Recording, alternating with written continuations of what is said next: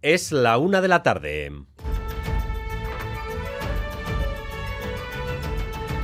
Crónica de Euskadi con Dani Álvarez.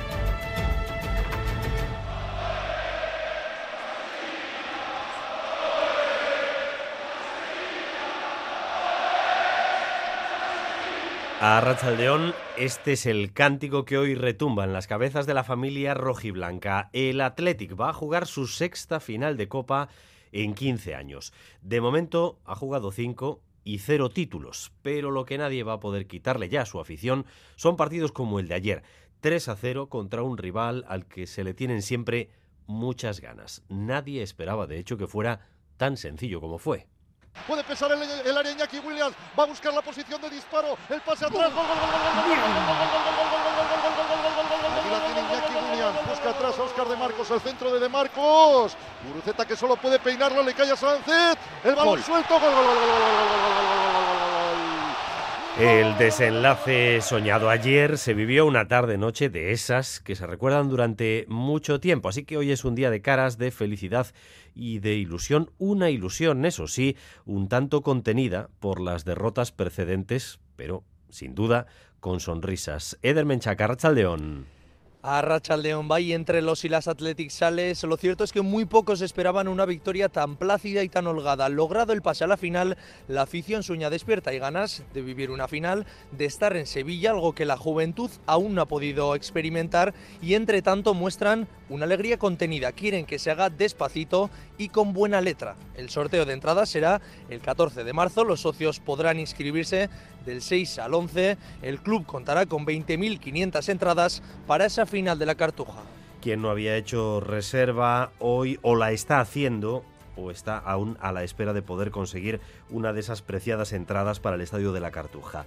Entre quienes organizan viajes, una palabra, locura. En una hora y media se ha llenado. Desde las 9 a las 10 y 20 se habían llenado los tres aviones. Los tres. Increíble. Ha sido, ha sido un desmadre y una, una locura. Eh, bueno, está, eh, espectacular. La noche, pues hasta los teléfonos teníamos llamadas perdidas. Bueno, bueno, ha sido, ha sido de, de locos, de locos, de locos. La fatalidad de los penaltis nos privó de poder reeditar una final vasca, esta vez sí con público y ambiente. Y solo podemos hacer un llamamiento a que no se repitan incidentes como los que se han registrado esta semana, los de ayer, eh, con un detenido y varios heridos, Fermín Alberdi. Las imágenes de primer plano de la llegada del autobús muestran claramente que es un reducidísimo grupo de personas el que busca el enfrentamiento con los herzañas que custodiaban al Athletic se intercambian cohetes, botellas y disparos con material antidisturbios. Seis archañas heridos, el sindicato mayoritario habla de mala planificación y ya es la segunda vez esta semana. Tras la semifinal de Anoeta, Erne, Esan y Sipe ya dijeron que se está provocando intencionalmente a la Ertzaintza para ponerla en el torbellino del debate electoral.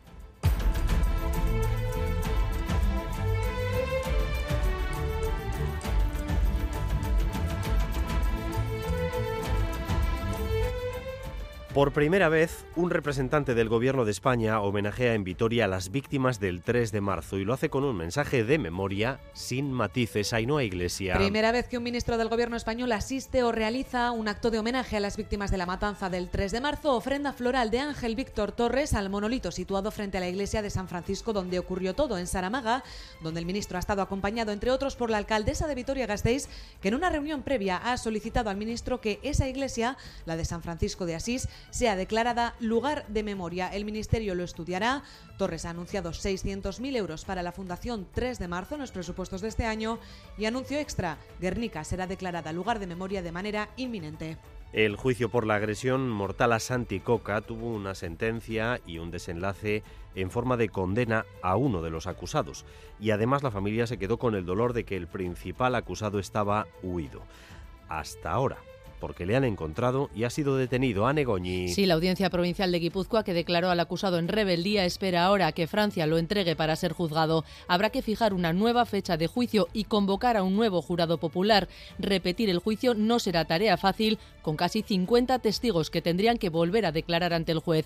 Además, el argelino, otros cinco jóvenes estaban acusados por la agresión a Santi Coca, que terminó con su vida dos días después. Uno de ellos fue condenado a tres años y medio de prisión por un delito de homicidio imprudente. La Fiscalía, la acusación particular que ejerce la familia y la acusación popular del Ayuntamiento de Donostia piden 20 años de prisión para el argelino por un delito de asesinato. Música, música celebra la música clásica con un fin de semana en modo maratón. Más de 70 conciertos en tres días.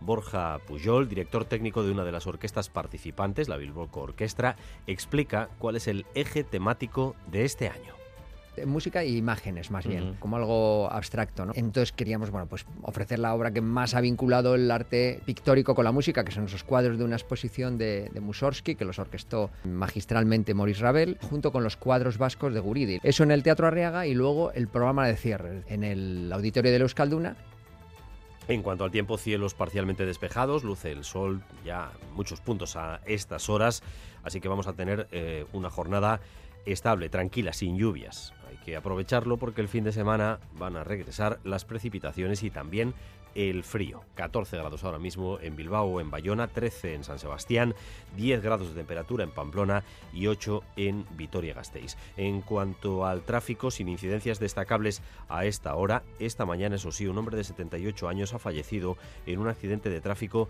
en Orecha, Mayal, en Galparsoro. Al parecer circulaba por una pista forestal con su vehículo cuando se ha salido de la vía y se ha caído al río. Sobre las 9 de la mañana, un particular ha sido el que ha avisado a emergencias de la presencia del coche en el río. Los bomberos han, han podido sacar al hombre de 78 años del vehículo y los sanitarios han intentado reanimarlo, pero finalmente, como decimos, ha fallecido. En cuanto a la información deportiva, Queremos saber detalles ya sobre la final. César Pérez de Cazola, Arrachaldeón. Arrachaldeón, Dani, pues es el argumento principal, lógicamente, como antes apuntabais. Quedan 36 días para la cita de Sevilla, para la final de la Cartuja, y Sevilla es el objetivo, ¿no? Y conseguir entrada, el deseo de toda la familia Tedix Sale. Será la tercera vez en los últimos cuatro años que el equipo rojiblanco está en una final de Copa. El plazo de inscripción para los socios estará abierto el 6 al 11 de este mes, de marzo, y el sorteo será el día 14. El día 14, cada club tiene el 40% del aforo de la cartuja y en principio el club eh, rojo y blanco dispondría de algo más de 20.000 entradas para repartir entre sus 43.000 socios. Eh, está abierto el plazo desde este día 6 de marzo, el sorteo el día, el día 14. Y dos apuntes más, Dani. Hoy el Vasconia vuelve a competir baloncesto, partido de Euroliga en Estambul entre el Fenerbahce esta tarde y la surfista Ustarra Nadia Rostarbe estará los Juegos Olímpicos de París lo ha conseguido en los Mundiales de Surf que están disputando en Puerto Rico. Gracias un día más por elegir Radio Euskadi y Radio Vitoria para informarse. Raúl González y José Ignacio Revuelta se encargan de la dirección técnica, María Cereceda de la coordinación. Crónica de Euskadi con Dani Álvarez.